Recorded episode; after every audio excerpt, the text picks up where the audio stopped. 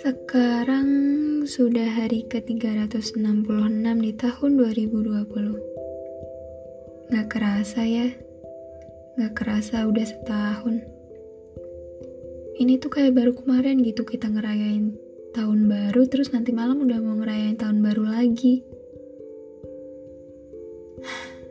2020 tahun paling mengkhawatirkan sekaligus tahun paling istimewa dari tahun-tahun sebelumnya. Istimewa karena banyak pelajaran yang bisa kita ambil untuk terus tumbuh. Mau dikata sedih iya, bahagia juga ada, marah juga ingin, kecewa juga mungkin. Jujur saya sendiri juga bingung Kenapa semesta memberi satu momen yang membuat saya ini terlalu sulit untuk saya terima? Yang bisa dilakuin cuma duduk, berdoa, semoga lekas pulih, semoga lekas membaik, semoga lekas selesai. Karena sudah banyak harapan-harapan yang ditanggalkan. Tapi nggak apa-apa Gak apa-apa karena semua hal yang terjadi bukan atas kehendak kita.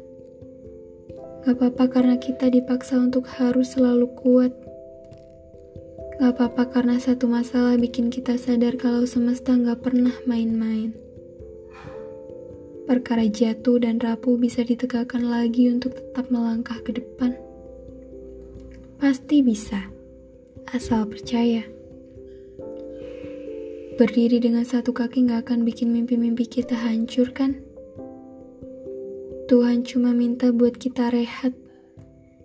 Atur nafas sebentar dari lelah yang tak pernah diistirahatkan. Jadi untuk hal-hal yang sulit ditelaah saat ini, saya harap agar segera usai. Kita belajar ya.